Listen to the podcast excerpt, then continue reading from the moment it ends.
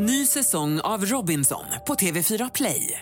Hetta, storm, hunger. Det har hela tiden varit en kamp. Nu är det blod och tårar. Fan händer just nu. Det. är Detta är inte okej. Robinson 2024, nu fucking kör vi! Streama söndag på TV4 Play. Hallå där, det är jag som är Lotta Bromé och det här är ett inslag från Halv tre med Lotta Bromé på Mix Megapol.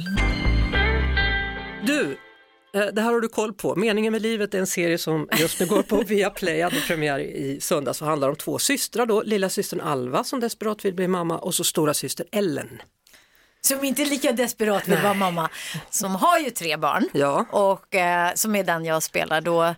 Men har liksom tappat bort sig själv och känner sig bara som en jätte, jättetråkig mamma. Och vill vara allt annat än det nu. Och då blir det rörigt. Ja, det blir rörigt eftersom hennes man förstår inte vad som händer och eh, ja, hela hennes familj undrar lite varför hon har liksom sagt, avsagt sig mammarollen och är det skilsmässa på gång, vad händer? Liksom. Oj, oj, Men oj. egentligen är det väl en kris inom henne. Liksom. Vem var jag? Det tror jag är jättevanligt bland föräldrar. Men får man ha en sån kris som förälder? Ja, det är mitt svar. Bara, det- ja det får man. För det finns de som säger det får man inte ha. Eh, jo, det får man visst. Men man får väl kommunicera med sina barn att det handlar om en själv och inte om dem. Sådär ja.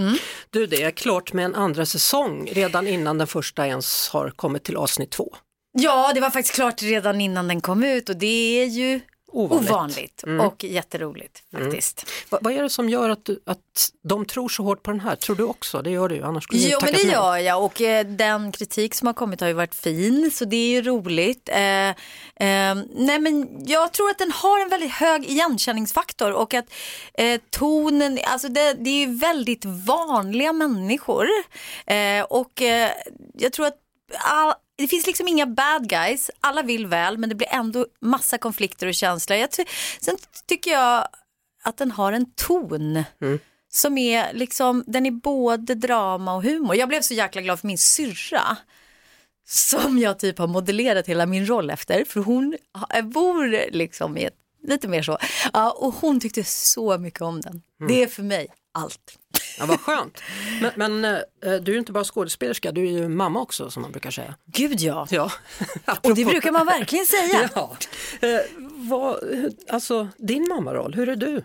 Eh, ja, eh, jag är ju, gud hur är jag? Ja, Ja, men jag barn är nog väldigt så här, alltså jag lever ju inte i ett traditionellt kärnfamiljsliv. Jag har ju två papper som jag bor är skild från bägge.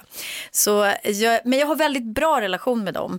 Eh, så, men jag skulle vilja säga att min familj är rörig men härlig. Mm. Eh, det är bra vibb hemma hos oss. Jag tror att jag är rolig, stark och helt inkonsekvent ibland. Det brukar min son säga.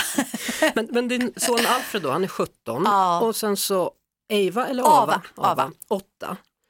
Gud, Det är så två otroligt olika åldrar att Ja. vara mamma till. Det finns ju ett stort plus. 17-åringen pass, kan passa 8-åringen. Vill 17-åringen passa 8-åringen? Ja, men det vill han faktiskt. Han är liksom lite som en present från himlen. Han är allt jag inte är. Han är, han är väldigt fin.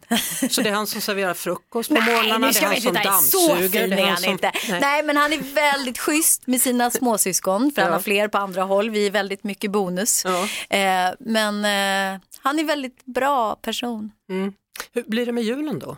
Eh, ja, den blir hemma hos pappa och där finns det också bonusar åt alla håll. Det är lite min grej tycker jag att familj, man ska inte tänka mindre, man ska tänka mer. Alla som kommer in är jag så här, för nu har min son en flickvän, då blir vi en till. Alltså, det är bra att samla mycket människor. Mm. Tomten är far till alla barnen. Det, den var ju jag med i. Ja, så du vet ju hur det är Så det var där jag lärde mig hur man skulle leva livet. Ja, så det blir så i år då? Eh, på men julafton? gud, låt oss hoppas att det blir lite lugnare. Ja, men ändå. Men ändå lite så. Ja. Eh, jag har en dotter, hon är i Alfreds ålder kan man säga, hon är Ah. 16. Men vad, hur tänkte du, hur kände du? Är det, var det skillnad på när du eh, hade en son och hur du uppfostrade din dotter? Eller har du uppfostrat dem på liknande sätt? Gud vilken bra och svår fråga. Och det, Oho! Gud vad svårt, alltså de är ju olika personligheter så lite olika blir det.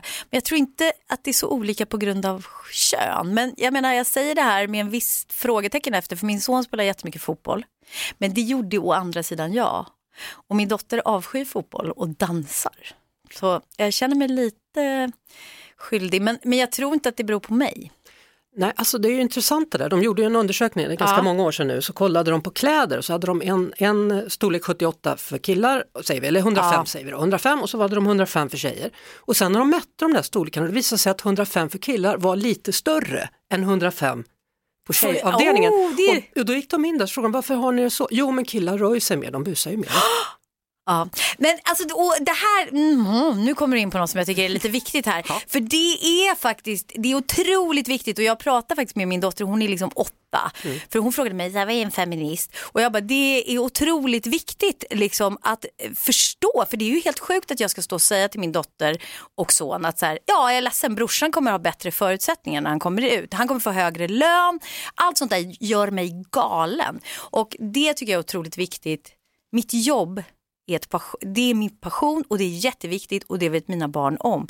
För att jag tror att vi, de ser mer vad man gör än vad man säger. Mm. Det tror jag. Men, men så, så, när du hade mamma och pappa ledigt, föräldraledigt då, tog ni hälften var då? Ja, fast inte med det första. Eh, men, men vi gjorde det faktiskt, Fredrik och jag. Men då, där var det också typiskt, för han fick så mycket beröm för det här. Alltså han fick så mycket plus. Det var som att han hade var Messias för att han tog halva tiden med sitt barn. Medan de tittade på mig och sa så här, men hur mår Ava när du började jobba efter redan tre månader? Hur mår hon? Är hon okej nu då? Alltså det var sån skillnad. Ja, Ja, sånt här, ja du märker. Jag går igång. Jag hade en kemilärare som dessutom var min klassföreståndare. Han sa så här, ja eh, vi har ju bara en femma kvar nu att dela ut och eftersom Per är kille så kommer han behöva den så han får den och du får Nej, nöja dig med en sånt fyra. Där, alltså, ja, man vill ju slå folk på käften. Ja.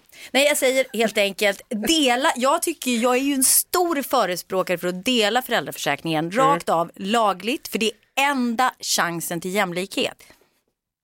Punkt. Var det punkt där? Ja, jag gör punkt.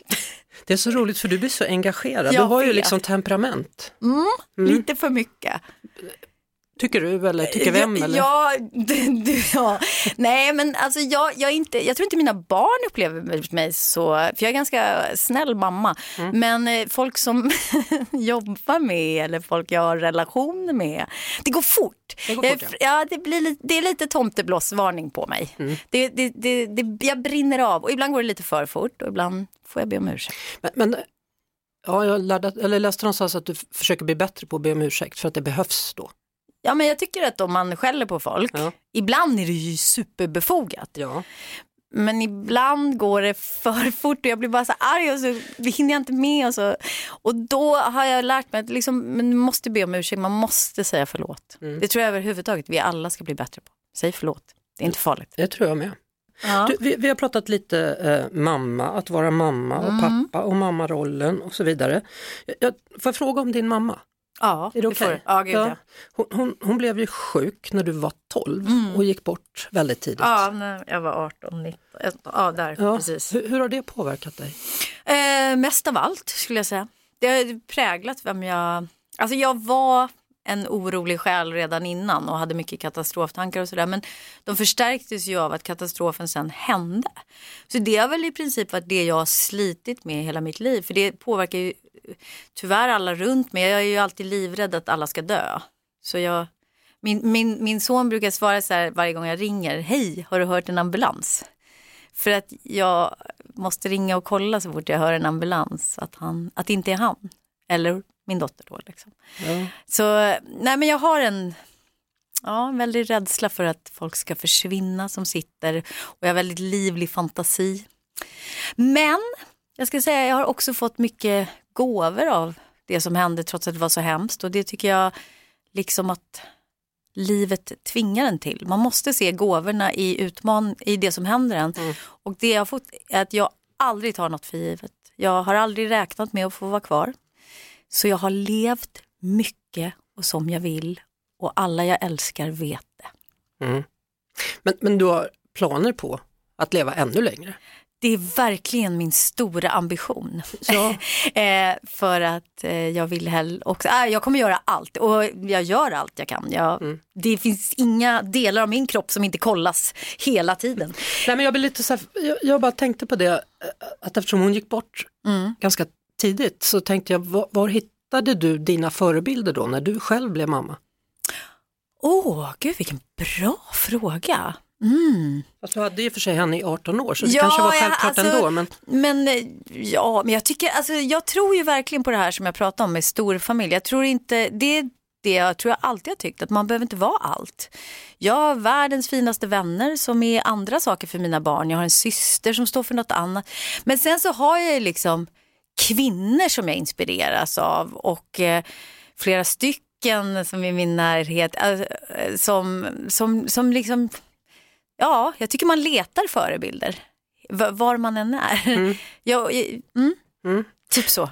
Vil- Vilken roll drömmer du om fortfarande att få göra? Åh gud vilken bra fråga. Eh, jag drömmer inte så mycket om roller. Jag drömmer alltid om liksom sammanhang och regissörer. Eh, för det, att få en bra roll med en skitregissör, det är inte värt ett, någonting. Men, men så man vill jobba med de här riktigt bra regissörerna. Och sen vill man ju då ha en komplicerad, mångfacetterad, svår jäkla roll. Varför vill man det? Är det för att man är sån själv eller är det för att man inte är sån själv? Eh, det är definitivt för att man är sån själv. Men också därför att jag tror att alla människor och kvinnor framför allt bör skildras i all sin komplexitet och det har vi inte tillräckligt av på film fortfarande. Eh, förutom att ni ska spela in då en andra säsong Mm. av det här som vi pratade om förut, Meningen med livet som går på Viaplay, Mm. så ska du på teaterscenen igen då på Stadsteatern Mm. och spela Norén. Ja, eh, det är en uppsättning eh, som gjordes på lilla scen förra året. Men nu har de bytt en del av castet. Men det är Lars Norén i regi av Eirik Stube. Det är en fantastisk text och Eirik har jag jobbat med förut. Han är en fantastisk regissör. Så det är inte han som är skitregissören med andra ord. Det är inte Eirik Stube som är skitregissören. Jag vågar inte ställa den frågan förut, jag ställer inte den nu Nej, jag gör inte det. är så tror inte att du kommer svara. Så att... Nej, det är så deppigt och... Nej, då måste jag bli arg först. Då kommer det. Men du, förutom det här så, så har du andra grejer på gång. Vad, vad är det som ska hända mer? Jaha, nej men det är bara mer av teater och så kanske lite film också. Ja, vad är det för film? Man Nej, det kan jag inte säga Men du Lotta. kan hinta lite va? Ja, men det är... Nej, vi får se. Det är inte en stor grej, men det kan vara på ett annat språk. Det är ändå roligt. Gillar du att flyga? Ja, jag har inte något problem med det. Okej, så tänker du mellanlanda i Chicago innan du kommer till Hollywood eller tänker Nej, du det är bara åka hela inte, vägen? inte Hollywood kan jag säga. Det är Okej, inte ni så... spelar in i Toronto, vad roligt Nej, för men, För det kan nu man får leka. du sluta Lotta, för annars måste jag gå. Men det är inte, det är inte långt bort. Det är inte långt bort, Nej. nej.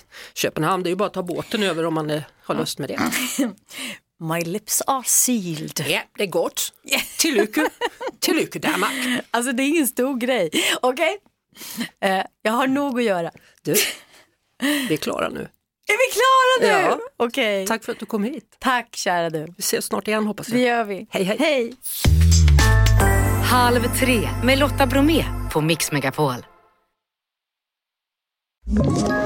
Ett poddtips från Podplay. I fallen jag aldrig glömmer djupdyker Hasse Aro i arbetet bakom några av Sveriges mest uppseendeväckande brottsutredningar.